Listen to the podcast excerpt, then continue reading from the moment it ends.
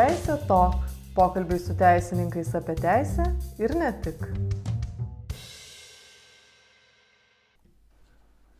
Sveiki. Šioje Teisė Tok tinklalaidės serijoje išgirsite pokalbį su advokatu ir Vilniaus universiteto teisės fakulteto mokslininku daktaru Arnu Paliukėnu. Pokalbėje išgirsite apie advokato profesijos ypatumus, pašnekovo patirtį teisėjaujant automobilių sporte, neseniai vykusiame Dakaro ralyje, apie Lietuvos teisininkų draugijos veiklą. Teisės studentai taip pat išgirs, kaip sužibėti darbo pokalbėje ir kitų įdomių su teisininko profesija susijusių išvalgų. Įdomaus klausimo.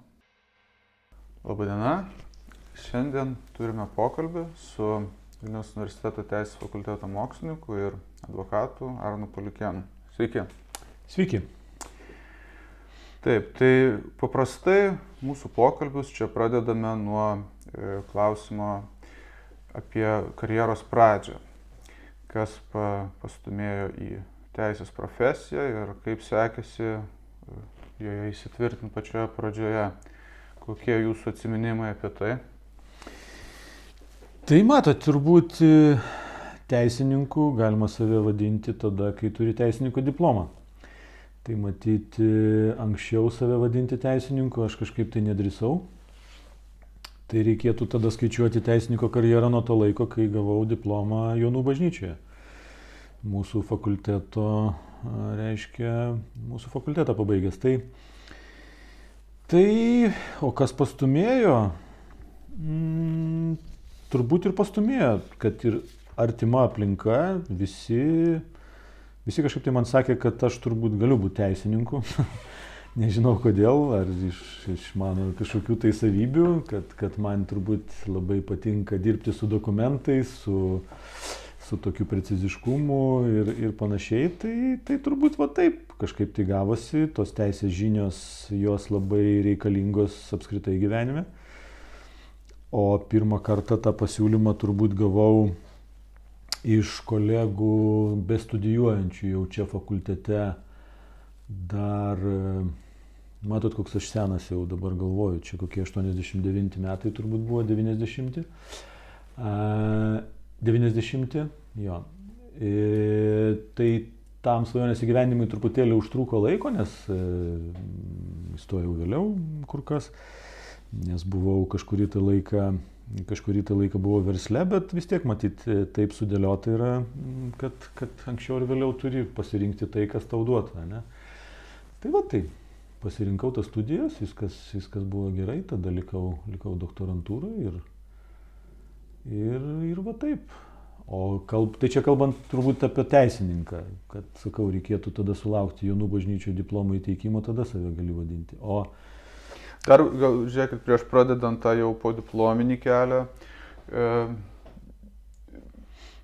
ar sutapo jūsų įsivaizdavimas prieš stojant į teisę apie tai, kokia yra teisininko profesija su tuo, ką jau išvykot praktikoje? Ar lūkesčiai viršyti buvo ar, ar nepasiekti, nes e, mūsų dalis auditorijos yra studentai, galbūt ir abiturientai, kurie svarsto apie stojimą į teisę.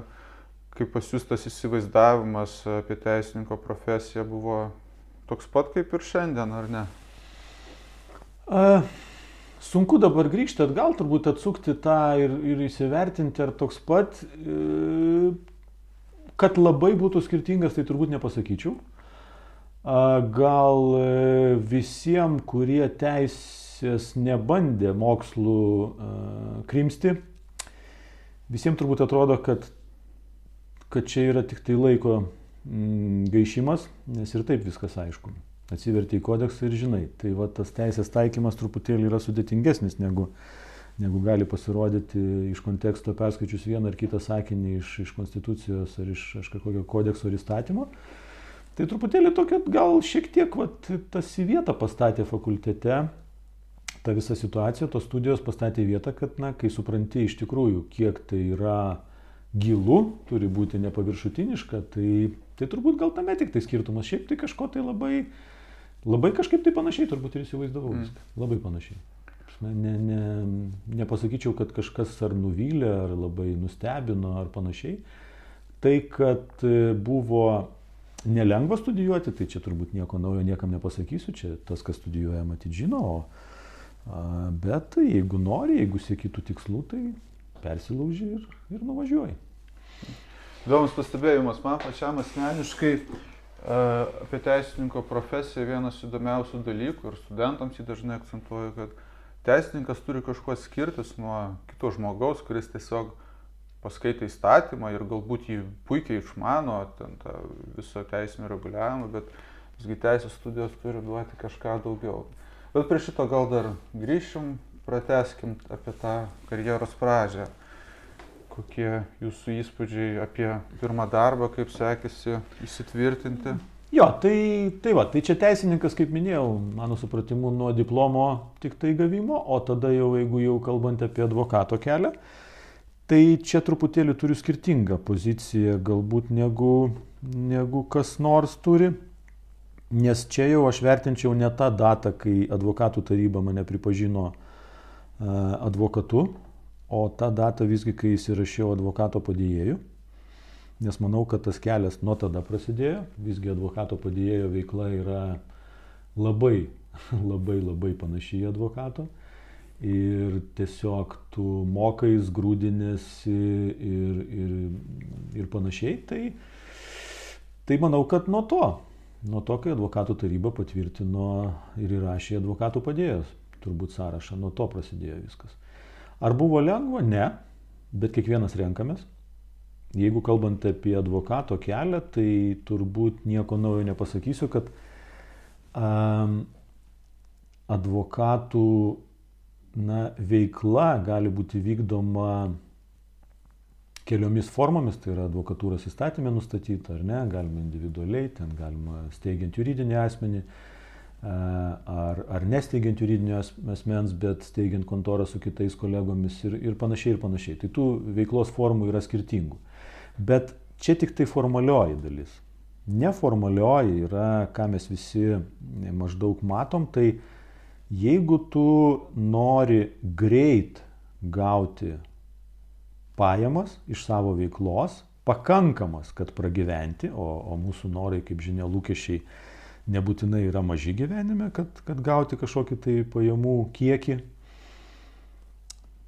Tai turbūt reikėtų rinktis ir renkasi mūsų absolventai, ir netgi studentai, dar būdami praktikantais arba tiesiog įsidarbindami kitokiose pareigose, tas didžiasias advokatų kontoras, kuriuose gali e, gauti e, tą atlygį už savo veiklą arba honorarą Mm, nuo pat pradžių. Tokį pakankamą, kad pragyventi, sakykime. Na, jisai nebus turbūt stebuklingai didelis, bet, bet turbūt jo pakaks pragyvenimui. Arba gali rinkti sudėtingesnį kelią, kokį aš pasirinkau, kad e, atmesti visus pasiūlymus gaunamus iš, iš kitų kontorų, kad ateik pas mus ten, vat, ten į tokias, į tokias pareigas. Nesvarbu, aš tų pasiūlymų tiesą sakant turėjau net ir būdamas advokato padėjėjų pereiti į, į kažkokią tai kontorą, gauti kažkokią kūruojamą sritį ir panašiai. Ir iš tikrųjų tie skaičiai, kurie būna pasiūlomi, jie pakankamai būna viliojantis dažnai. Ir atrodo, kodėl aš turiu ant savęs, kodėl man turi rūpėti visi mokesčių dalykai, kaip pačiam ant savęs e, pasiliekant veikti. Tai mokesčio su administratorium reiškia santykiai su sodra ir panašiai viską turi pats tvarkyti, žiūrėti, patalpas nuomotis, e, na kažkaip tai save išlaikyti, susimokėti mokesčius ir panašiai. Jeigu realiai tu neturi jokio pagrindo šitoj veikloje, tu neturi klientų, tu nieko neturi, tai tu turi pasiryšti, kad kažkurį tai laiką, na gal per vaizdžiai pasakysiu, hiperbolizuodamas, bet šiek tiek pusbadžių turi būti. Aišku, turbūt e, suprantama, kad atėjęs iš verslo, na, turėjau kažkiek galbūt ten kažkokių santaupų ir panašiai, tai galėjau kažkiek tai sauliaisti to tokio a, pusbadžių buvimo.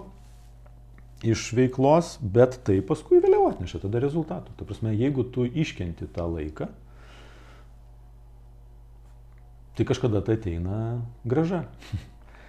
tu savo kuri pats, nepriklausomai nuo kitų, nuo didžių, nuo mažų kontorų ir panašiai, tiesiog pats savo kuri istoriją, pats savo kuri klientų ratą. Na ir taip, taip kažkada ateina ta graža. Tai vat, tai turbūt, jeigu kalbant apie advokato jau konkrečiai veiklą, ne apie, ne apie teisininko abstrakčiai, bet apie advokato, tai turbūt toks mano kelias buvo. Pasirinkau sunkesnį būdą, bet jisai po kažkiek laiko atneša gražą. Vat įdomi, tai man kaip tik ketinau pašnekėti šitais aspektais, nes e, gali būti tai svarbu e, jauniem tam teisininkam ar studentam, kurie svarsto savo profesinio kelio strategiją ar sukti į advokatūrą, prokuratūrą, teismus dar kažkur. Ir vad jūs esat, berots ar ne pirmas advokatas mūsų tinklalaidai, daugumas teisėjais ir mokslininkais e, šnekėjom. E, kad susidarytų įspūdis e, žmonėms apie advokato profesiją, Galėtumėt pasakyti po dalyką, kuris savo, jūsų darbė jūs liūdina, kelia stresą ir kokį dalyką, kuris kelia džiaugsmą jau vakare po darbų, einat su, su atsipalaidavęs, su, su, su džiugesiu širdyje. Nežinau, ar asmeniškai kelia stresą, turbūt e, mes e, po kažkiek tai laiko tokios veiklos, kaip advokato veikla, ypatingai tie, kurie esam save galim priskirti advokatam procesualistam, kuriam mantijos dėvėjimas nėra tik tai priesaikos pas teisingumo ministrą metu e, kažkoks tai ritualas, bet, e, bet iš tikrųjų mantijos dėvėjimas man asmeniškai tai yra per dieną kokius 3-4 kartus skirtingose teismuose. Tai aš save priskiriu prie procesualistų, tai kai kam galbūt buvimas teismo salėje yra jau pats stresas. A, tai turbūt tokio, tokie praktikuojantis advokatai kaip aš, turbūt to streso jau ypatingo ir nebejaučiam, yra pakankamai užsigrūdinę. O dabar ką, mm, kas, kas turbūt kelia nerimą teisingumo vykdymo prasme, Tai turbūt kelia nerimą, nepavadinčiau to asmeniniu stresu, bet kelia nerimą, kad apginti savo kliento e, teises, žmogaus teises galbūt ne visada pavyksta. Dėl, ne dėl to, kad ta byla būtų kažkokia labai sudėtinga, bet iš tikrųjų trūksta, trūksta galbūt laiko įsigilinimo iš, čia turbūt mes šiuo akmenuką ir į teisėjų pusę šiek tiek kolegų, Na, ne visose bylose e, matosi tas toks labai nuoširdus gilinimasis į, į faktus ir, ir, ir panašiai. Tai, tai bet, bet kokiu atveju mūsų veikloj mes turim galimybę kreiptis į apeliaciją, galų gale dar lieka ir kasacinio skundo galimybė, jeigu jau ten ta atrankos kolegija tą kasacinį skundą aukščiausiam teisme praleidžia, tai, tai to teisingumo paieškos vien tuom neapsiriboja. Tai, Tai tas stresas gal toks, net, net nestresas, bet truputėlį, na gal tie lūkesčiai, kad kai žinai, kad ta pozicija iš tikrųjų atstovaujamo arba ginamojo e, kliento yra silpna, tai nestebina galbūt ir rezultatas. Bet kai matai, kad e, viskas yra iš tikrųjų sudėliota ir, ir, ir man atrodo, kad liktai kažkaip yra aišku, tai turbūt nemaloniausia yra dalis kad kolegos teisėjai skuba, skuba dėl suprantamų priežasčių, aš juos suprantu viena vertus, e, nebūtinai galiu visais atvejais pateisinti, bet suprantu, kad e, jiem dabar yra man toks labai sunkiai suprantamas Lietuvoje kriterijus kaip bylų nagrinėjimo greitis, karjera lemia ir panašiai, tai man šitie dalykai apskritai yra labai keisti. Aš nežinau, kas yra jų autorius, bet e, tiek to. Nes e, patikėkit, yra svarbu, atstovaujant klientą, kai matai, kad e, klientas sako, kad žiūrėkit, čia ne mano parašas. Mes turim skirti rašysenos ekspertizę. Teismas atsisako skirti rašysenos ekspertizę, nes na, teismui atrodo, kad kitų duomenų yra byloj pakankamai. Ir aš suprantu, kad teismas nepasako, kad teisėjo karjerai tai gali įtakoti bylos nagrinėjimo laikas. Bet aš tarp eilučių tą matau. Tai tas liūdina galbūt, na, kita vertus labai liūdina ir čia jau vienareikšmiškai, nepriklausomai nuo bylos baigties, tegu byla būna ir tas vadinamas laimėjimas, nors laimėjimas čia yra labai saliginė savoka mano supratimu, čia mes negalim taip visą laiką sakyti, kad ieškinio šimtoprocentinis patenkinimas, jeigu atstovauja ieškovą, ieškinio šimtoprocentinis atmetimas, jeigu atstovauja atsakovą, tik tai tokiu atveju yra laimėjimas. Arba, na, įmant e, pavyzdžių, baudžiamasias bylas, kad laimėjimas turi būti būtinai, jeigu tavo ginamasis yra visada, visais atvejais visiškai išteisinamas. Ne. Laimėjimas yra, mano supratimu, truputėlį platesnė savoka. Tai galima į tai pasigilinti, ar ne? Tai ir dalinis ieškinio tenkinimas, dalinis atmetimas, visai gali būti. Tai irgi gali būti laimėjimas priklausomai nuo faktinių aplinkybių. Lygiai taip pat baudžiamajam procese gali būti bausmės skirimo prasme, jeigu sankcija numato nuo 10 iki 15 metų laisvės atėmimo, asmeniui skiriama na, ne 15, bet 12, nors pagal faktinės aplinkybės turbūt labiau tikėtina, kad bus 15, manau, kad tai irgi gali būti dalinis laimėjimas. O jeigu dar ir už sankcijos ribų, jeigu nuo 10 iki 15 ir pripažintas kaltų ir paskiria 8, tai manau, kad irgi yra laimėjimas, nebūtinai išteisinti. Tai vad, čia truputėlį nuklydau iš šoną, bet ką aš noriu pasakyti, nepriklausomai nuo bylos rezultato, labai svarbu, kaip mes elgiamės procese, teismo salėje. Čia yra labai svarbu. Jeigu procesas vyksta mandagiai, išlaikytai, ne, nedaro teisėjas e, civiliniai byloje arba administraciniai byloje, spaudimo šalims, e, neironizuoja savo pasisakymais, e, nenurodo, ką turėtų daryti šalis tam, kad įrodyti savo tiesas, nes ne teismo pareiga yra patarinėti, išskyrus labai siaurą ratą labai kategorijų tam tikrų bylų, ten sakykime, kur teismas gali būti aktyvus. Aš turiu omeny ten, kur turi būti normalus rungtiniškumas, va, pavyzdžiui, civiliniai byloje, kur kiekviena šalis įrodinėja savo, savo tiesas, įtikinėja teismą, na, teismas, mano supratimu, neturėtų išsakyti e, pozicijos e, palaikančios kažkuria šalį, kritikuojančios kažkurios šalies argumentus ir panašiai, tol, kol nėra sprendimo. Ir ypatingai vedimas proceso, mandagumas, e, išklausimas šalių, neironizavimas, nenutraukimas, ne, ne, ne, ne na, tam tikrą prasme netgi na, tas ironizavimas gal kartais na, jisai net ir perlenkia to ironizavimo ribas, jisai netgi gaunasi, sakyčiau, netgi toks lengvas, lengvas na, netgi pasijuokimas iš, iš šalių ar iš atstovų ir panašiai. Tai, Tai to turėtų vengti. Man atrodo, kad e, objektivus, e, nešališkas teismas to turėtų vengti. Tai čia turbūt tokie dalykai, kurie, e, vėl pabrėžiu, ne man asmeniškai streso kelia, bet teisingumo vykdymui daro didžiulę žalą, nes salėje yra ne vien advokatai, kurie dėvi mantijas, nes jie tai žino. Jie tai žino, kad šita byla yra viena iš tūkstančių Ir šitoj byloje teisėjas vienaip elgesi, nueisiu po pietų į kitą bylą, ten elgsis mandagiau ir aš nueisiu galbūt, kaip jūs sakote, ramiai mėgoti vakare, nes galų gale diena baigsis normaliai.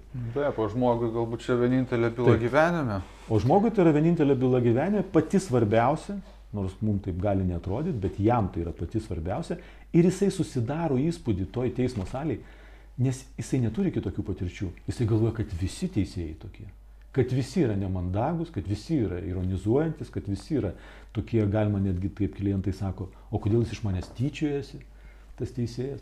Tai vad, tai tokie dalykai ir sakyčiau, kad žinokit, vad nesenai kažkam interviu duodamas netgi esu pagyręs mūsų kolegas teisėjus, kad jau liktai ateina nauja karta, kuri, kuri jau aš rečiau pastebiu tos tokius dalykus negu anksčiau. Bet Vat kažkodėl, kai tik tai daviau tą interviu, vat, vėl pasipylė kelios bylos, kur, kur kažkokie va, tokie požymiai, na, vėl, vėl, vėl kažkur atsiskleidžia posėdžių metu. Tai, tai sakau, man tai nekelia asmeniškai streso, man tik tai gaila, kad iš tokių dalykų susidaro įspūdis paskui bylos šalims arba proceso dalyviams, čia, čia priklausomai nuo to, apie kokį procesą kalbam, kad taip iš tikrųjų yra visur. Man labai gaila, nes mes už tai aš nesipozicionuoju barikadų pusėmis. Jokių būdų. Aš labai e, esu buvęs ir teisininkų draugijos pirmininku ir, ir, ir mes tikrai bendraujam su visom teisininkų profesijom ir man labai patinka bendravimas ir su kolegom teisėjais, kai keliam jų problemas, bandom ginti prieš valstybę dėl tų atlyginimų per mažų ir dėl tų darbo užmokesčių ir panašiai. Tai iš tiesų e, man tos problemos yra žinomos, aš tikrai nesakau, kad ten yra lengva, tai ir, ir viešoje erdvėje turbūt tos informacijos yra pilna apie tai, e, kaip dabar ten trūksta ir tų, ir tų teisėjų, ir padėjėjų, ir panašiai. Ir žinau, kad ten tikrai yra emocinė situacija nelengva. Visgi, na, mano pastebėjimas nėra kažkoks tai, sakau, susi, susireikšminusio kažkokio tai advokato, bet Pastebėjimas yra, kad vardan bendro tikslo, tai yra, kad e, aš manau, kad visuomenė matydama, būdama salėje, visuomenės atstovai neturėtų, na, matyti, matyti mūsų emocijų, tokių, vat, e, jeigu jau mes tą teisingumą vykdom. Tai čia tik tai toks labai, labai toksai pastebėjimas draugiškas. O, o kas labai, labai e, gerąją prasme nuteikia, tai būtent mandagus, Nepriklausomai, patikėkit manim, nepriklausomai nuo bylos rezultatų. Jeigu posėdžiai vyksta mandagiai, išlaikytai, matosi absoliučiai niekada jokių ironijų, jokių komentarų iš teisėjo pusės, va tada supranti, kad byla tu ją vadinama pralošiai ar išlošiai, bet tu išeini puikios nuotaikos, su tavim šalis aišku išėjo bent jau iš to posėdžio puikios nuotaikos, tavo tas vadinamas klientas, na, e, tikras klientas nevadinamas, bet aš turiu omeny, kad, na, sunku pagal procesą įvertinti, taip, atstovaujamasis arba, arba ginamasis, priklausomai nuo proceso. Tai ir, ir vėliau netgi teikiant kažkokią apeliacinį skundą ir panašiai, na, tu tiesiog ieškai argumentų tame nepalankiame procesinėme galutinėme sprendime ir, ir, ir toliau dirbi savo darbą. Bet bet visada supranti, kad, na, tiesiog visi atliko. Na, teisėjui pasirodė taip, kad tų argumentų pritrūko. Na, taip, tu, toj byloje tau yra nepalankus sprendimas. Bet tu blogai nesijauti, nes procesas vyko. Na, procesas vyko objektyviai, ne, ne, nebuvo kažkokių subjektyvių, tokių, sakau, pastabų, ironijų ir panašiai. Viskas puikiai. Tai mhm. va, turbūt tokie teigiami, neigiami. Įdomu, tas procedūrinis teisingumas iš ties kartais gali būti irgi taip esu rašęs ir savo kažkuriuose publikacijose, gal net svarbiau už rezultatą, kai žmogus jaučiasi iš ties išklausytas, kad procesas buvo korektiškas. O žiūrėkit, va, dėl to paties procedūrinio teisingumo, daugiausia ką minėjo, tai apie tą žodinį nagrinėjimą, o rašytinėme procese. Ar tą patį stipriai jaučiate, kad tas teisėjo savybės neigiamas galbūt nepagarbą ar neišsiklausimą, E, žiūrint galbūt iki patį jau sprendimą nutartį ar, ar, ar kitais atžvilgiais? Na, matote, emocijų turbūt rašytiniam procese aš nematau. tai man sunku vertinti, ar ten tų emocijų buvo, kaip tas sprendimas, arba kažkoks kitas procesinis dokumentas, nutartis, ar kažkokia ten tarpinė, ar, ar galutinis. Ne, man sunku vertinti, ar ten tų emocijų kažkur tai buvo, nes aš jo nematau, aš neturiu jokių kontaktų, aš, aš negirdžiu. Uh, kaip buvo tariamasi dėl to sprendimo, jeigu tai yra na, kolegija priema, ne, ne, ne vienasmeniškai teisėjas. O jeigu ir vienasmeniškai, tai vėlgi na, nematai nieko, tai rašytinis procesas, na, ten turbūt, ten turbūt sudėtingiau. Aš mm, nežinau, net, neturiu tokių neigiamų patirčių iš rašytinio, gal kadangi, kadangi na, nematai to visko, kaip ten tas viskas įvyksta kabinete ar, ar, ten, ar ten dalį, aš mes suprantam, kad dalį ten kažkokią tai padėjėjai matyti parengė, kažkokią tai juodraščio, kažkiek tai ten pats teisėjas daro, na tai, tai ta virtuvė maždaug, maždaug aiški, bet, bet na, ten, ten turbūt su emocijom yra na, paprasčiau, kad, kad jų nesimato. Šiaip aš tą rašytinį taip vertinu įdomiai, mano asmeniniu vertinimu, tai rašytinis procesas nėra tas nėra mūsų siekiamybė. Aš, matot, turbūt esu kitoks truputėlį žmogus negu mūsų bendruomenės, galbūt didžioji dalis, kuri, kuri, kuris tengiasi kažkurio metu Lietuvą pakelti į tą pirmą vietą ES pagal bylų nagrinėjimo greičius ir panašiai, tai dėl to aš nesu labai to šalininkas iki šiol, nei rašytinio, nei tų karjerų teisėjų priklausomumo nuo greičių bylų ir taip toliau. Aš, aš suprantu, kad perlenkti lasdos ilgumu negalima, tada jau vėl blogai. Bet e, visiškai suvienodinti viską ir, ir pasakyti, kad dabar, dabar greitis yra na, tas pats kriterijus, tai nes aš suprantu, kad rašytinio proceso įvedimo buvo tikslai greičiai. Ne, nes žodinis atsitrunka ilgai, čia kažkas atvyko, netvyko, o čia viską pateikė ir viskas, viskas nuvažiavo. Tai jo, bet, e, žinot, kartais, kartais tai būna. Mm. Dabar Euro, Europos lygiu Lietuva pagal nagrinėjimo greitį tai gerai atrodo, ypač administraciniai teismai, ten vieni pirmų, užvėlina labiausiai tai tos bylos, kur koks nors kreipimasis į konstitucinį teismą, dar kažkokie ten išskirtiniai dalykai, bet ta rutininė paprasta byla iš ties gana greitai būna prakeliauja. Jo, tai aš sakau, bet, bet vėl, ar tai tikrai yra tikslas būti pirmoji vietoj pagal greitį? Hmm? Gal, nežinau. Aš nenoriu būti blogas pranašas, aš bijau, kad dalis bylų E, dėl to greičio gali vėliau mum atsirūkti, taip kaip atsirūko kažką kolegom italam, dėl to per ilgo proceso. Ne? Jie turbūt buvo tokie ilgiausi procesualistai pas mus ten ieškant, ieškant tiesos paskui Europos žmogaus teisų teisme. Bet, bet mes galim būti, na, irgi kada nors, nes tie sprendimai turi būti ne vien greiti, taip, bet jie turi būti ir teisingi. Tai, ar neatsida, neatsiras Europos e, žmogaus teisų teisme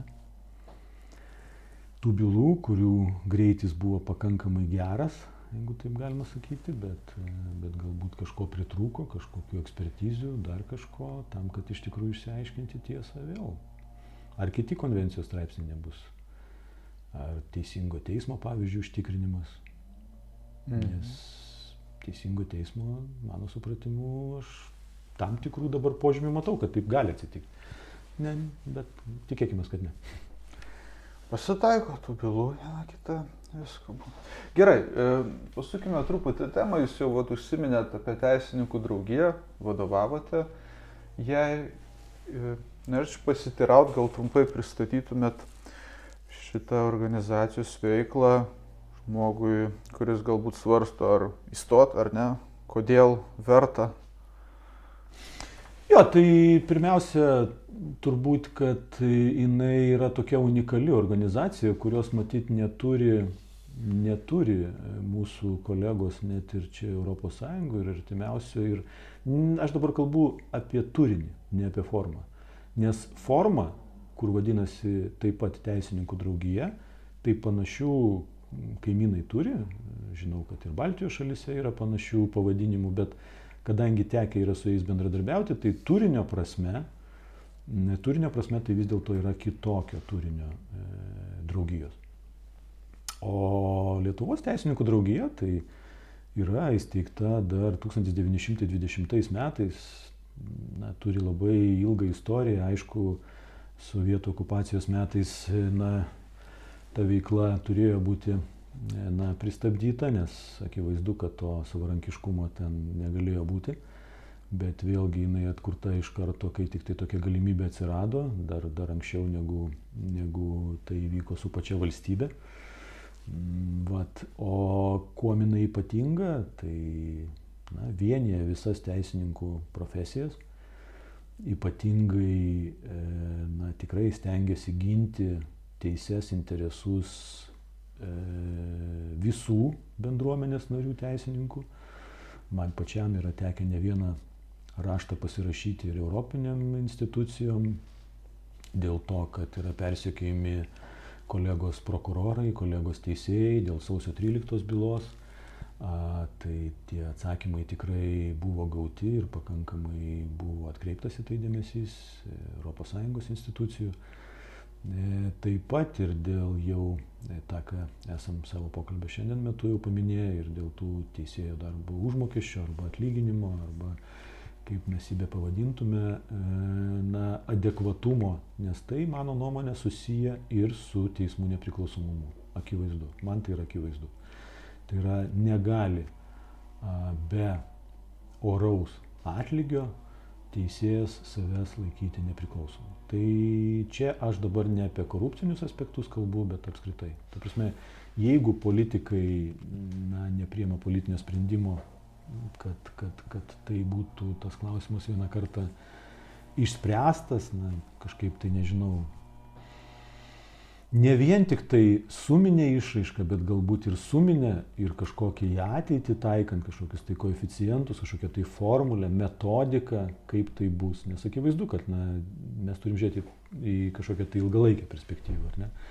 Tai va, tai tie klausimai, e, na, teisininkų draugija, aišku, yra ir, ir įstatymuose daug kur įtvirtintos jos teisės ir pareigos, tai yra deleguoja ir vyriausiojo rinkimų komisija, kandidatus į narius ir į, mm, į per rinkimus, kai vyksta rinkimai, na, savivaldybių, tarybų, Seimo, e, Europarlamento, prezidento ir, ir, ir taip toliau. Tai taip pat deleguoja savo narius arba, arba kažkokius tai teisininkus na, į apygardų komisijos rinkimų, mm, taip pat e, deleguoja narius, e, kandidatus ir į kitas institucijas, į komisijas įvairias. Na, iš tikrųjų, turi ir teisų, ir pareigų, kaip minėjau ir sakau, yra tokia pakankamai na, unikali su savo labai gilia istorija organizacija ir aišku, renginiai, konferencijos labai, labai turiningos, mano supratimu, vat, buvo, aišku, čia ta pandemija truputėlį išbalansavo visus, bet, bet dar spėjom prieš pandemiją 19, e, berots Liepos pradžioj, ten maždaug apie Mindaugo karūnavimo tas dienas turėti Seime pasaulio lietuvių teisininkų kongresą, kas yra iš tikrųjų teisininkų draugijos vienas iš tokių tradicinių renginių. Labai buvo stiprus renginys, iš tikrųjų pasaulio lietuvių teisininkų susirinko tikrai iš, iš visų kontinentų ir, ir, ir, ir tikrai buvo labai labai stiprus renginys. Aišku, kiekvienas kelia savo problemas tokias, kokias, kokias kelia, tai kažkam yra pilietybės išsaugojimas, kažkam kažkas, tai, bet iš tikrųjų tai yra diskusijos, įtraukiant vėlgi į tas diskusijas visas mūsų teisininkų profesijas, teisininkų bendruomenės, na, Taip, bendri renginiai, bendri, bendri kažkokie tikslo siekiai ir iš tikrųjų, kas man labiausiai imponuoja, tai teisininkų draugijos formate mes nesam barikadų jokių turėtojai. Tai yra barikadų pusių, turiu omeny, kad mhm. mes vienoj barikadų pusėje, ten būtinai advokatas vienoj, prokuroras kitoj ir panašiai, tai mes iš tikrųjų kovojam visi vieni už kitų teises, ginam jas, stengiamės, kad, kad iš tikrųjų įstatymų leidėjai ir, ir vykdomoji valdžia na, atsižvelgtų į tai. Tai, va, tai kažkaip tai taip, nes ten atstovavimas tai yra pakankamai platus. Ten yra ir teisėjai, ir advokatai, ir prokurorai, ir, ir, ir tyrėjai, ir, ir, ir tų pačių e, tarnybų kaip FNTT, STT atstovai, antstoliai, notarai. Na, tikrai labai, labai platus spektras, e, reiškia, bankruoto administratoriai, kurie, kurie aišku, turi teisinį išsilavinimą. Tai tie, kurie turit teisinį įsilavinimą ir galvojat, tai bent jau tikrai galit pasidomėti. Yra ir, ir pasiekima informacija internete ir, ir panašiai apie stojimo galimybės. Jis turi struktūrizuotą e, tokią m, mm, savo veiklą, teisininkų draugija, e, stojimas į narius, narystė vyksta teritorinių skyrių principų. Tai daug tų skyrių yra Lietuvoje iš tikrųjų. Na, ne, ne kiekvienas ten rajonas, rajono centras, sakykime, galbūt savo skyrių turi, bet, bet pakankamai ta Lietuva, taip teritorinių principų uždengta yra, mm, sakyčiau, kad pakankamai, mm, pakankamai uždengta. Va, tai, nežinau, aš tai sakyčiau, kad e, veiklos tikrai yra tiek skyrių lygmenių, tiek pačios jau tos vadinamos centrinės valdybos lygmenių tos veiklos taryba yra kaip, kaip labai toks unikalus irgi e, institutas pagal statutą teisininkų draugijos, kur, kur 20 yra visuotinio susirinkimo metu patvirtinama, o taip pat tarybos nariais laikomi ir visi skyrių pirmininkai. Tai, tai va tas toksai sustiprintas ir veikimas per skyrius daugam irgi taip pat imponuoja. Tai savirealizacijos, jeigu norit visuomeninės veiklos, tai tikrai, tikrai kvieščiau. Gerai, dėkui. Manau, atsiras susidomėjusiu. E, gerai, e, pakalbėkime dar truputį kitą puotėmę, susijusią su teisė. Disertaciją parašėte iš sporto teisės. Ar ties, tiesa? Taip, taip, disertacija iš sporto teisės, e, tuo domiuosi pakankamai, pakankamai senai e, ir tiesą sakant, labai džiaugiausi galimybę e, sudarytą pasirinkti tokią temą, kuri susijusi su sporto teisė ir iš tikrųjų disertaciją parengti būtent susijusią su sporto teisė. Tai, tai man tai buvo ir iššūkis, manau, kad iššūkis buvo ne vien man, nes na, tokių darbų na, ne, ne, ne, nebuvo liktai Lietuvoje, bent jau, bent jau galbūt tokio konteksto, sakykime, yra kolegė e, anksčiau apsiginusi ten iš, sakykime, iš sukčiavimo sporte, tai ten baudžiamosios E, teisės kontekstas toksai, bet, e, Čia bet tokio, kad e, mhm. liestų vat, būtent tą sportą, sporto ginčius ir panašiai, tai tokio liktai aš bent jau nežinau, kad Lietuvoje būtų ir tai buvo visiems iššūkis turbūt ir vadovui, kuriam labai didelis ačiū, kad, kad, kad kentėjo mane tokį. Va, ir, ir, ir, ir, ir taip toliau. Tai jo, Tai Aš... Tai kokios ten problemos toj sporto teisė žmonėm, kurie nesusiduria, sportą mato per televizorių, tai ar tai yra, nu, va, paminėjot kolegės vieną tyrimą dėl sukčiavimo, turbūt ten susijęs su tomis lažybomis, papirktomis rungtynėmis, mm. Bet tai ne viskas gal. Oi, tikrai ne.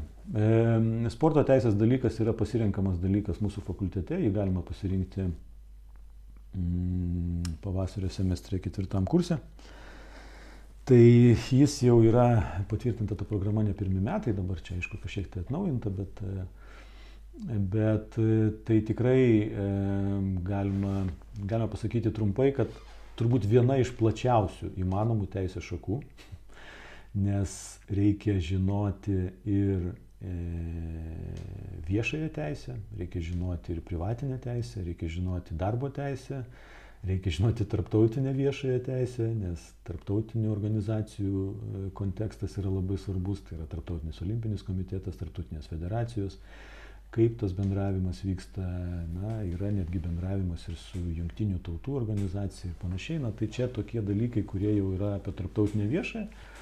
E, kalbant apie nacionalinį lygmenį, tai vėlgi Matyt, reikia žiūrėti, kokiu pagrindu įsteigtos tos federacijos, asociacijos ir panašiai. Vėlgi jų veikla, tai yra irgi sporto teisė, tai Lietuvoje, pavyzdžiui, asociacijų įstatymas reglamentuoja jų veiklą. Eikim toliau. Tada jau treneriai, teisėjai, žaidėjai, jeigu individualių sporto šakų, galbūt sportininkai ar komandinių sporto šakų, vėl ar tai yra darbo teisė, reglamentuoja, ar tai visgi yra tik tai e, civilistika grina, gal čia yra tik paslaugų tiekimas. Tai e, aišku, tas reglamentavimas ES skiriasi, bet galbūt čia dabar ne ta tema. Tai va, tai čia yra svarbu e, atskirti. Tai čia irgi yra sporto teisė, bet sporto teisė lygiai taip pat, kaip jau paminėjom, yra sutartos varžybos arba kažkoks tai kitoks ten galimas kriminalas, nes jau sutartos varžybos tai yra jau kriminalas, tai yra nebe civilinė teisė, tai reiškia reikia išmanyti baudžiamąją teisę, reikia išmanyti e, sukčiavimo sudėti ir panašiai, bet lygiai taip pat e, sporte egzistuoja e, ir tokios veikos nusikalstamos kaip e, viešosios tvarkos pažeidimas, kai mes žinom, kad stadionai aplaužomi, sudaužomi ir, ir, ir sirgaliai vieni kitiem nebūtinai būna labai meilus. Mm. Tai atsakomybė ne tik tam laužytojui, būna taikoma ir klubams. Taip, ir atsakomybės taikymas ir, ir vėlgi čia galim kalbėti nuo pat administracinės atsakomybės iki baudžiamosios, žalos atlyginimas, tai jau civilistika. Šeštoji knyga galbūt padeda, jeigu mes žinom tokią, ne, civilinio kodekso. Ir iš tikrųjų tai, tai šitie tada vėl dopingo reikalai, vėl gali būti kriminalas, gali būti gali būti vados e, klausimai, gali būti jau na, e, arbitražo, taip, sporto arbitražo esančio Šveicarijoje klausimai, tai kalbant apie procesą, tai vėl kas nagrinėja sporto ginčius, tai irgi yra sporto teisė. Tai reiškia, na, Lietuvoje kas nagrinėja juos, kas gali nagrinėti, ar tai yra bendros kompetencijos teismas, ar tai, pavyzdžiui, yra Vilniaus komercinio arbitražo teismas, turintis sporto ginčių padalinį, ar tai yra susitarimai arbitražiniai, kad, kad ginčiai, sakykime, kaip futbolė, krepšinėje dabar labai populiaru, tai viskas keliama į tuos, į tuos arbitražus, aš nekalbu apie e, tą vadinamą CAS arba KAS, angliškai tą pagrindinį jau tokį e, ginčių sprendiką daugelį sporto šakų, bet, bet tuos kitus arbitražus, ne, krepšiniui, futbolui ir panašiai, tai, Tai šitie yra irgi sporto teisė. Sporto teisė yra ir mm, socialinių garantijų, kaip minėjau, užtikrinimas. Tai ne vien tik tai atskirimas, ar tai yra darbo santykiai ar civiliniai, bet kaip, kaip, kaip, kaip gauna tas socialinės garantijas, vėlgi tie patys teisėjai. Nes čia yra labai plati tema. Visur, ką be pajudintume sporto teisė, yra labai labai platu. Nes treneris, kas yra? Ką mes mokykloje turėjom, E, lankėm kokias ten futbolo, krepšinio treniruotės, irgi yra treneris. Bet galbūt jis ir turi mokytojo statusą, jis turi darbo sutartį, galbūt mes lankėm burelį, kur jau ten vėl kiti dalykai. Ne? Tai irgi yra treneris, yra teisėjas, yra, yra kažkas ir tada galbūt, nes mes neturim visą laiką įsivaizduoti, kad treneris tai visada yra tik tai Kauno Žalgerio ar, ar, ar, ar Vilniaus ryto, ar ne? Tai, tai, tai ten mes turim truputėlį plačiau matyti, nes sporto teisė, tai sakau, yra labai labai platu. Tai e, tų dalykų nagrinėjimų sporto teisė tai yra labai labai daug ir dėl to e, pavyksta, kas pasirenka šitą dalyką fakultete, tai pavyksta turbūt tik tai pagrindus na, perteikti e, kolegom studentam, kadangi na, giliai reikia, reikia daugiau. Na, semestro vieno tikrai nepakanka, kad padaryti profesionalą, bet susidomi, aš galiu pasakyti, kad po dalyko išklausimo yra tikrai dalis e, kolegų studentų, kurie žinau, kad tikrai ieško paskui galimybių a, tęsti, gilinti studijas būtent universitetuose Europos, e, kurie specializuojasi galbūt sporte, e, sporto teisė ir panašiai ir, ir vyksta tenai toliau gilinti. Tai džiugu, kad pavyksta sudominti. Taip aš čia truputėlį supiniau ir savo disertacijos reikalus ir dėstomo dalyko reikalus, bet iš esmės tai irgi sporto teisė. Gali būti ir, ir dėstomas dalykas, ir problemos, ir, ir disertacija. O žiūrėkit, gal norėjau pasitrauti, gal pamenat kokį vieną konkretų ginčą, kuris va, tai irgi suintriguotų klausytoją ar iš sporto teisės, ar galbūt iš šiaip nesenos praktikos bendrai. Kas čia dabar kyla iš nesenos? Nebūtinai. Iš nesenos tai kyla turbūt e, toks dalykas, žinot, e, turbūt aš čia turiu vėl savo požiūrį, nebūtinai jisai sutampa su daugumos, ar nežinau, su mažumos, bet turiu. Bet yra tokie santykiai, pavyzdžiui, tarp sirgalių. Mm. Kauno Žalgirios ir gali, kiek myli Vilniaus rytos ir galius. Ir atvirkščiai. Čia labai įdomi Mažai. tema. labai įdomi tema, nes aš tai džiaugiuosi iš tikrųjų, kad jie turi, na dabar kas nors klausydamas, jis turbūt pasakys, kad aš kažkokius tai skatinu ten vadinamus nestatutinius santykius ar kažkokius tai ten ne, ne, neformalius, neteisėtus ir panašiai, bet aš truputėlį kitaip matau, aš truputėlį plačiau matau, kadangi domiuosi sporto teisė e, jau senokai, aš truputėlį kitaip matau tai. Ką aš turiu omeny?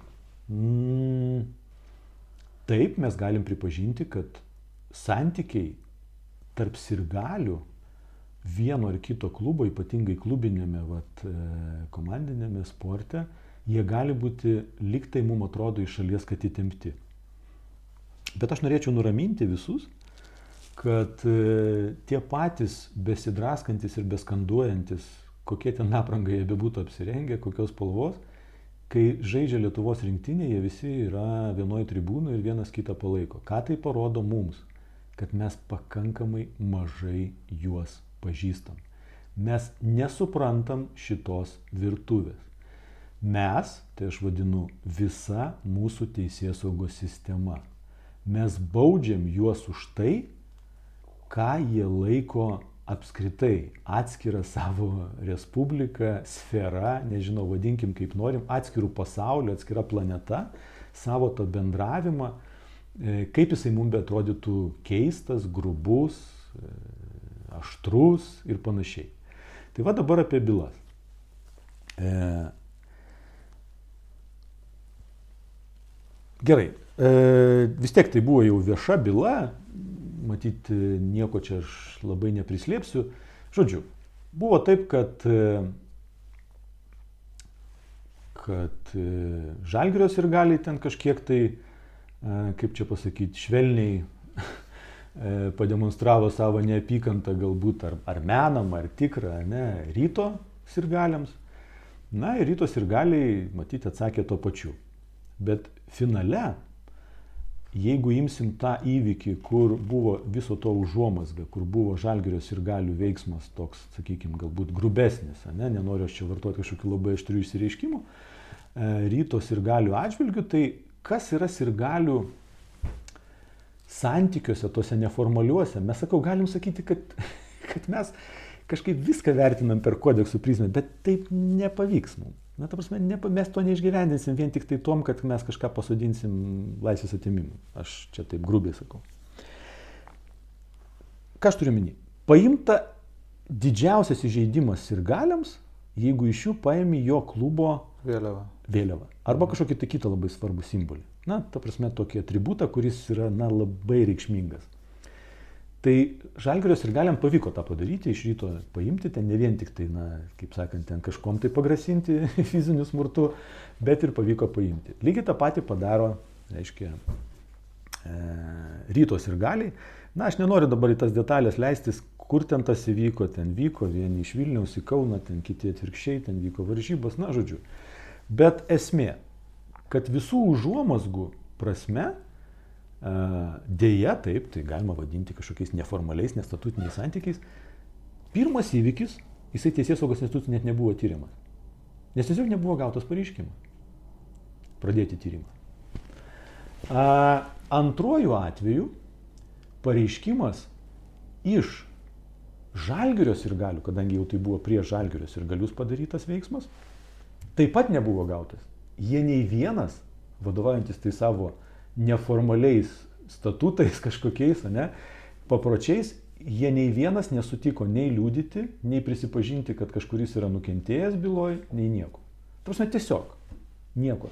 Bet pareiškimas buvo paimtas dėl to, iš kažkokio tai kito visiškai pašalinio asmens, nes ir galių bendruomenių, bet kadangi tas veiksmas vyko prie vieno prekybos centro, Kaune, taip galima pasakyti, viešoj vietoj, tas vieno atributo paėmimas ir ten galbūt kažkoks tai apsistumdymas lengvas.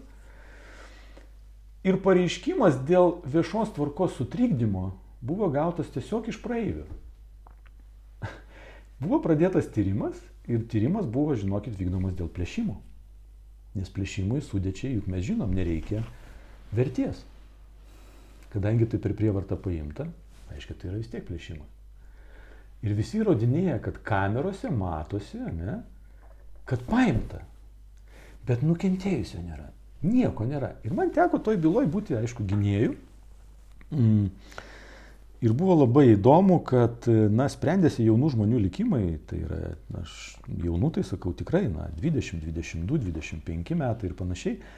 Tai man labai buvo keista, kad mes e, stengiamės naudoti valstybės prievartą pajunginėti prokuratūrą, teismus, spręsti kažką, kas realiai yra, na, nežinau, ar, ar tikrai tai yra teisingas kelias. Nesakau, kad mano nuomonė yra vienintelė teisinga, bet man truputėlį keista. Aš atvirai pasakysiu, man truputėlį keista, nes padaryti plėšimą iš tokio dalyko kaip atributo paėmimą vieni iš kitų, kai nėra net nukentėjusiojo dėl to, Aš dėl šitos sudėties turiu abejonių. E, bet, matyt, e, gali būti ir kitokių nuomonių. Tai va čia turbūt tokia įdomesnė byla, ta prasme, kad teko ir interviu duoti irgi ir, ir televiziją, atsimenu, ten buvo prie teismo rūmose prie manęs žurnalistai klausti, ką aš apie tai galvoju, na aš, na, aš ir pasakiau, ką aš galvoju. Jeigu mes iš tikrųjų norim, kad gautų žmonės teistumą ir susigadintų savo, kaip sakant, visą e, tą biografiją, jeigu taip galima pasakyti, ateičiai, tai mes galim tokias bylas kelti. Bet iš tikrųjų, kiek tame yra racionalumo, nes, na patikėkit, liudytojais ar nukentėjusiaisiais buvo toj byloje apklausimi kas? Liudytojų praktiškai ten nežinau, ten koks nors kamerų turėtojas prie priekybos centro, kuris ten operatorius, kažkoks tai kamerų montuotojas tų vaizdų. O, o nukentėjusioji tai, na, buvo, reiškia, kurėjo tiesiog ir jai nepatiko tas triukšmas. Na, bet, bet ne iš jos ten buvo kas nors paimta. Tai, tai na, ta prasme, ta byla, tai, va, tokia gal, gal tokia įdomi buvo byla, kuri, kuri man iš tikrųjų buvo labai gaila tų jaunų žmonių, tiesą sakant. Nes aš nežinau, ar tai yra mūsų valstybės prievartos mechanizmo naudojimas yra labai racionalus tuo atveju, kai mes sprendžiam plėšimą vienos ir galių klubo, e, kažkokio šaliko, kaip tuo atveju atsitiko, paėmimo į kitą. Ir, ir, ir aišku, galima dabar sakyti, kad ar padarė apdairiai rytos ir galiai, paimdami tą šaliką ir įdėdami į socmediją nuotrauką su to šaliku. Tai akivaizdu, kad jie savo veidus visus socmedijoje atskleidė ir tada juos greitai teisėsaugos pareigūnai atrado, surinko ir įtarimus pareiškė. Bet ar tai tikrai mes naudojam tą valstybės prievartą čia tikslingai? Vat čia man tiesiog abejonė ir dėl to vat, gal kilo tokia mintis dabar jums šitą papasakoti. Ja, tikrai labai įdomi byla, e, įdomi skamba ir toriniais atžvilgiais per daug, kur juk šties, kas yra teisės reikalas, e, kas, kas nėra, galima svarstyti. Aš e, išsiduosiu ir studentams egzaminę, esu tokį klausimą davęs, labai įdomu skirtingai kaip pažiūrė. Ir iš sociologinės pusės vėlgi, jeigu mes matom blogą reiškinį, galbūt kažkokius neramumus viešoje vietoje, ar, ir ar ta besiformuojančia subkultūra, ar mes norim su tuo kovoti, jeigu norim, tai kaip kovoti. Bet subkultūra, va dabar va, gerai jūs palėtėt klausimą, subkultūra. Na, aš suprantu, kad aš tada nelabai įsivaizduoju Lietuvoje apskritai, ar būtų, pavyzdžiui, įstatymų ribose Lenkų klubo legija sirgaliai, kaip pavyzdys. Ta prasme, man vat, šit apskritai tada kaip. Ar, ar ta subkultūra, kuri yra, vat, kaip jūs sakot, vat, ką aš paminėjau, ta byla, ar ta subkultūra e, propaguojama e, tam tikrų klubų sirgalių klubų, ar jinai apskritai Lietuvoje tada būtų iš vis įstatymų rėmose. Nes Lietuvoje tai aš kalbu apie įvykį, kur baudžiamoji byla gavosi net plėšimo sudėti, mes sugebėjom, mes tai, nu, vis tiek mes, mes esame teisės saugos visi e, dalys, mes esame visi teisininkai, mes turim visi prisimti atsakomybę, nesvarbu, kad aš ten buvau tik tai gynėjų toj byloje, bet, reiškia, mes, vat, na, padarėm iš to net plėšimo sudėti. Tai aš nežinau, sakau, kaip tokie, tokie, tokie pavyzdžiai kažkur tai labiau nuo mūsų į vakarus, kur futbolo klubų e, sirgaliai, nu aš nesakau, kad reikia taip tuo keliu eiti, kad ten pusė stadiono sudeginama, sulaužoma, ten kažkas tai nužudoma ar panašiai. Bet, bet šaliko paėmimas vieno sirgalių klubo iš kito, ta subkultūra, ar čia tikrai yra mūsų sritis? Man nežinau. Juk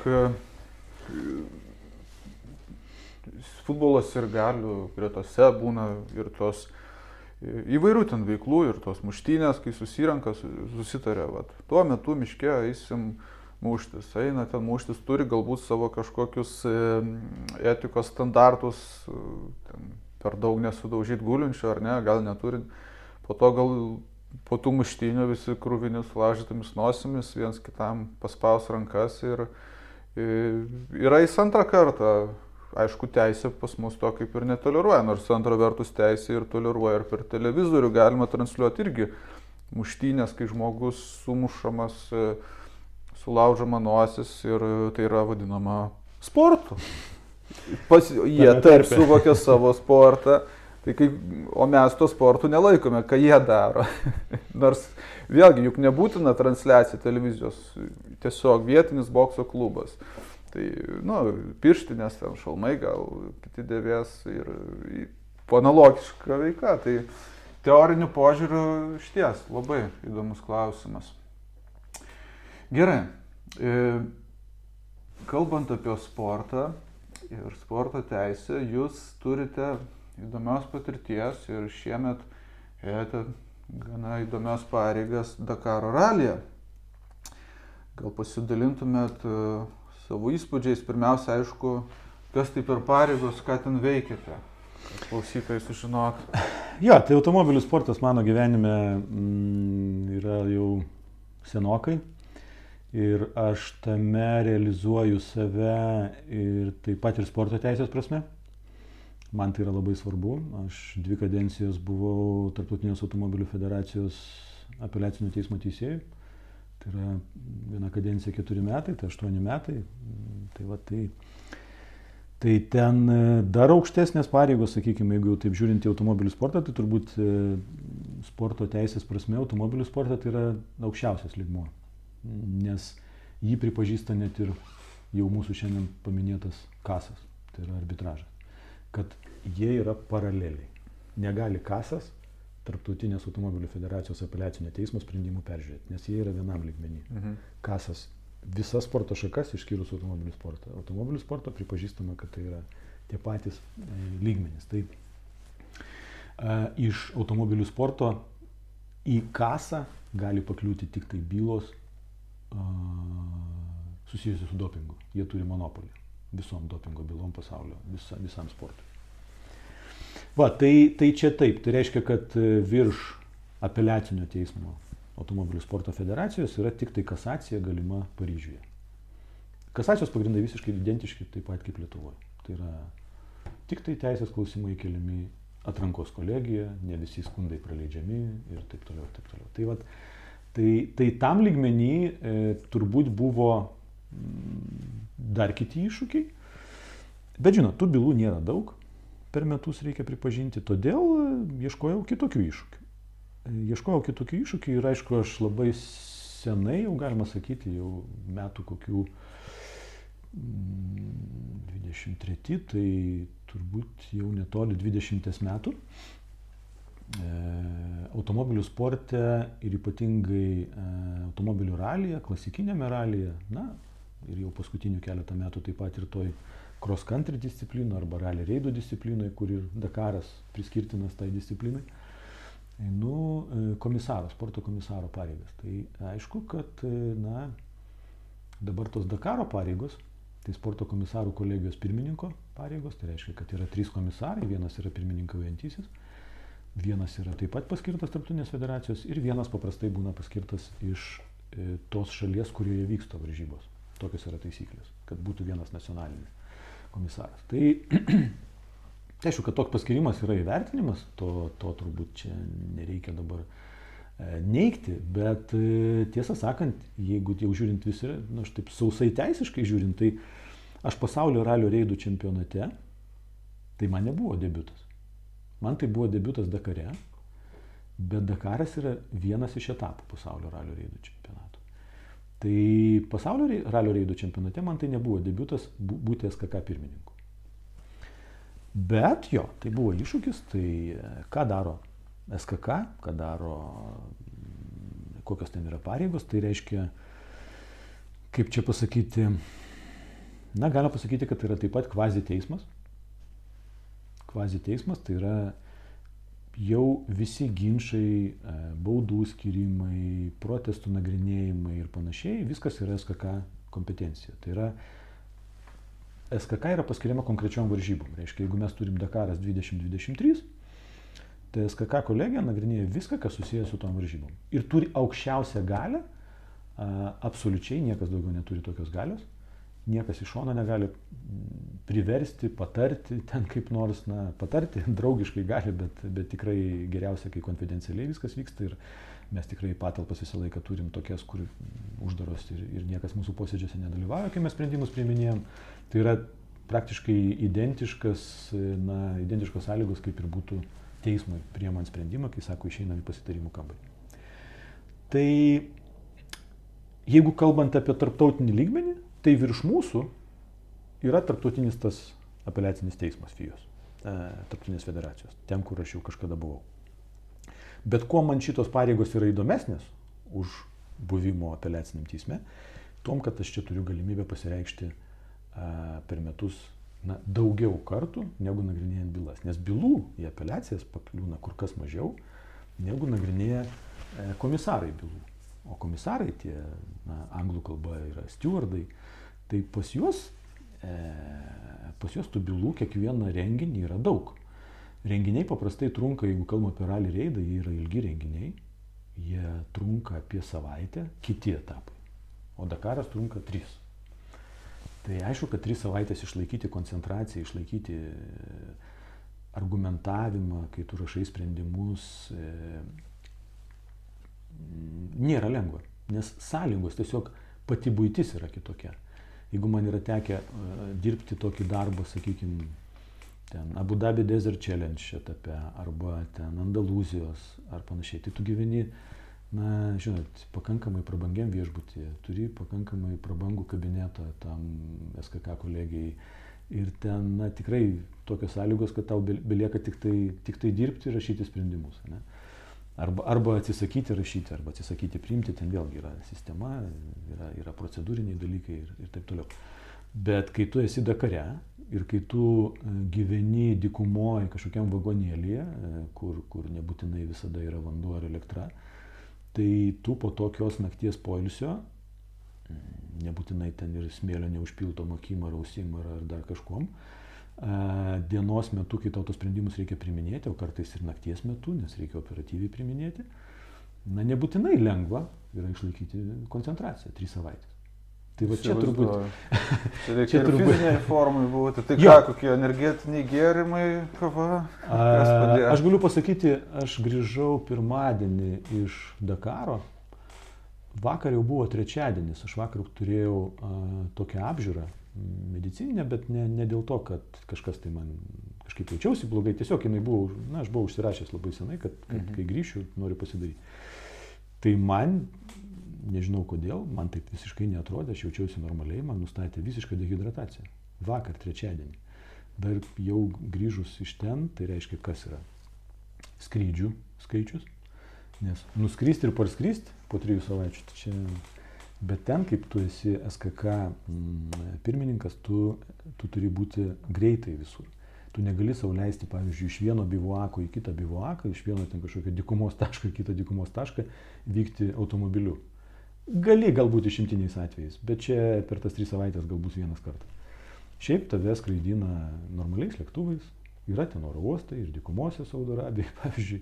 E, jie Šiaip turbūt nenaudojami reguliariems skrydžiam, jau ten naudojami tos NATO kompanijos, kuri ten yra žymiausia, ne, nenoriu reklamuoti.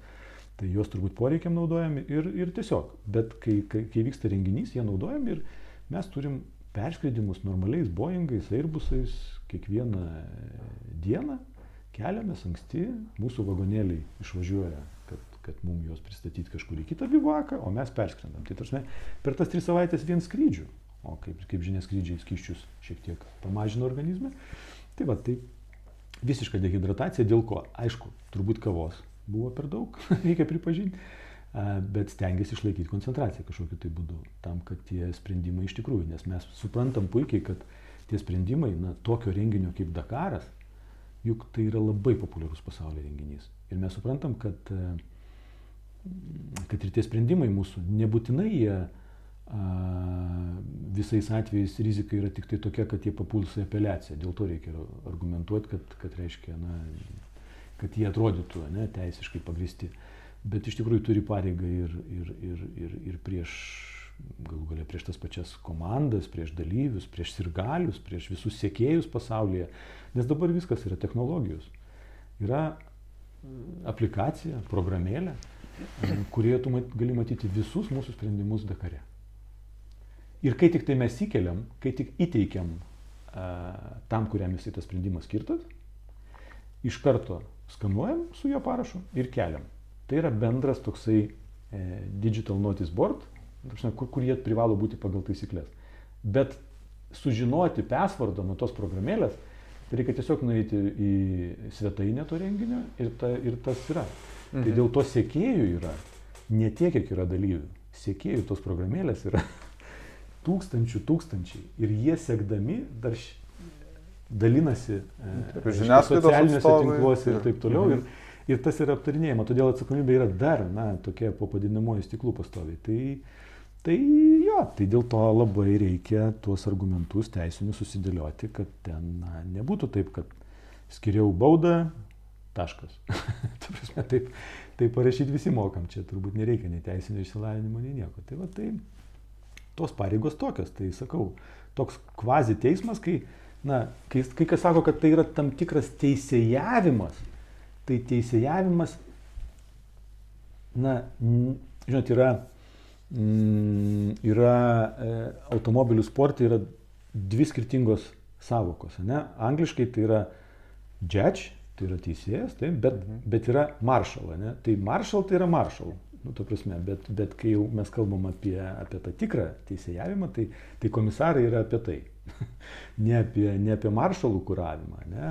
jeigu taip jau naudojant kitų, kitų kalbų žodžius. Tai šiaip varžybų vadovas yra kiekvienose varžybose, automobilių sporte, tas, kuris yra vadovas visų teisėjų, tų teisėjų, va, distancijų teisėjų, laiko teisėjų, ten na, sekretorių visokių, ten suvedinėtojų laikų, ten kuratorių, GPS programuotojų ir taip toliau. Viskas subėga pas jį. Jis yra varžybų vadovas, jisai turi ten keletą tų pavaduotojų, kuris ten pasiskirstęs sritim ir panašiai. Ir jisai iš esmės viskam diriguoja. O, o, o komisarai tai yra kvazi teismas, pas kurį aišku pas mus atbėga dažnai varžybų vadovas ir to paties Dakaro metu pasikonsultuoti, nes jisai žino, kad jo sprendimas gali būti protestuojamas mums.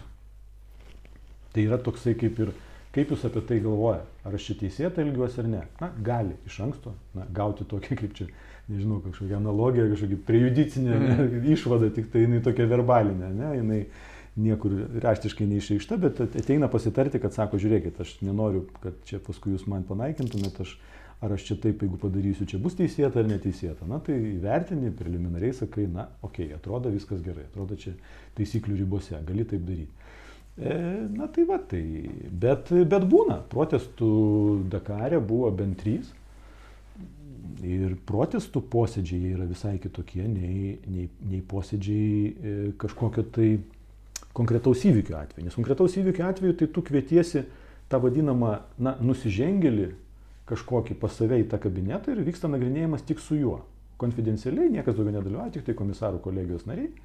Ir tu dalyvauji tik tai su juo. Jo klausinėjai, jam ten paskiri kažkokią nuobaudą, galbūt vėliau tą sprendimą priimsi, jam įteiksi, ten, nes dar reikia pasitarti ir panašiai. Tai čia toks. Jeigu protestas, tai praktiškai teisminė procedūra. Nes protestas tai yra protestuotojas, prieš ką protestuoja, abi šalis turi būti vienu metu, ne atskirai, kad iš koridoriaus pasikvieti, na, pakalbėti anonimiškai, bet turi viskas dalyvauti, vieni kitiem klausimus gali uždavinėti, na, absoliučiai. Advokatus atsiveda? E, yra gamyklinės komandos, patikėkit. E, jo. Aš galiu pasakyti, kad e, vienas iš protestų, jie tarp kitko viešai nėra skelbiami, todėl, todėl čia truputėlį sunkiau juos pasiekti, tai, bet galiu išduoti tokią paslapti, kad viena iš gamyklinių komandų, kuri protestavo m, tam tikrą aspektą ir, ir kurios protestą nagrinėjom, tai protestą perskaičius aš didžiavausi jais, kad jie visgi, na, turėdami gerą biudžetą, jie negaili ir teisėjai. prasme, nes, jo, buvo tikrai argumentuota. Nes žinot, na, dažnai automobilių sporte visi kažkodėl įsivaizduoja, kad, na, ten visi apsitepalavę tokie, nėra ten laiko, ten dikuma, tai ten kažkokią tai špargalką ant, ant kažkokio tai kalendoriaus lapo ten parašė ir jau yra protestas. Ne, būna visai. būna visai. Tai va, tai pakankamai, pakankamai rimti dalykai. Yra, yra tikrai, kurie į tai investuoja. Įdomu, įdomu. Gerai, taip, tai aš vieną paskutinį klausimą norėjau užduoti susijusi vėlgi su jaunais teisininkais, studentais. Dauguma jų dažnai galvoja apie savo pirmą darbą. Kaip pasiekti geriausią pirmą darbą, kuris būtų geras tramplinas vėliau. E, jūs va e, savo advokato veikloje, jeigu ieškotumėt pagalbos, tai į ką žiūrėtumėt, vat, ką patartumėt studentui, ką jis turėtų pasakyti per darbo pokalbį, kad, kad jūs įvertintumėt kaip, kaip, kaip talentingą, kad tikrai. Kaip gerą kandidatą. Taip. Nuvilsiu aš turbūt jaunąją kartą.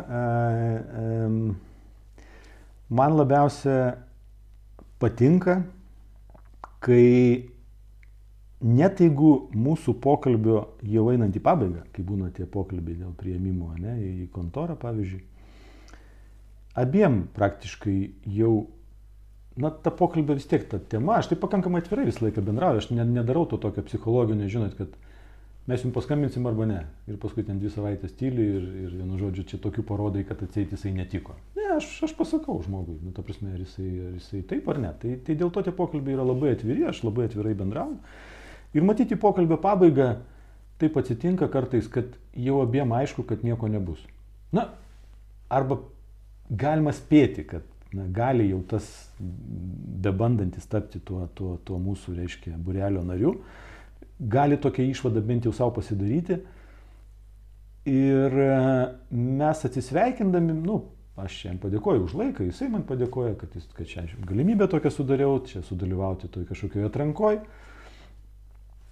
Ir jisai galbūt arba išeidamas jau per duris, arba net kitą dieną atsiranda vėl net be jokio skambučio, be nieko, na, tai nebūtinai labai gerai, nes nebūtinai mane ten galima surasti kontorai visada. Bet sakykime, ir akis žyba ir sako, duokit man šansą. Jeigu akis žyba, gali būti, kad tas šansas bus. Man tai labai patinka. Tarsi, tai ką aš tam noriu pasakyti? Motivacija. Nes jeigu ateinam, aš suprantu, kad visiems labai svarbu skaičiai, visiems labai svarbu, iš ko aš dabar gyvensiu, bet aš noriu pasakyti jaunai kartai, žinokit, jeigu renkatės advokato kelią ir jūs ateinate į atranką ir jūs sakot, kad jūs jau tėvai iki to laiko išlaikė, iki jaunų bažnyčios, dabar jau jūs jau esat profesionalai. Na, nėra taip. Jūs, e, taip, jūs esate diplomuoti absolventai, labai smagu, mūsų fakultetas yra labai stiprus, aš už jūs džiaugiuosi.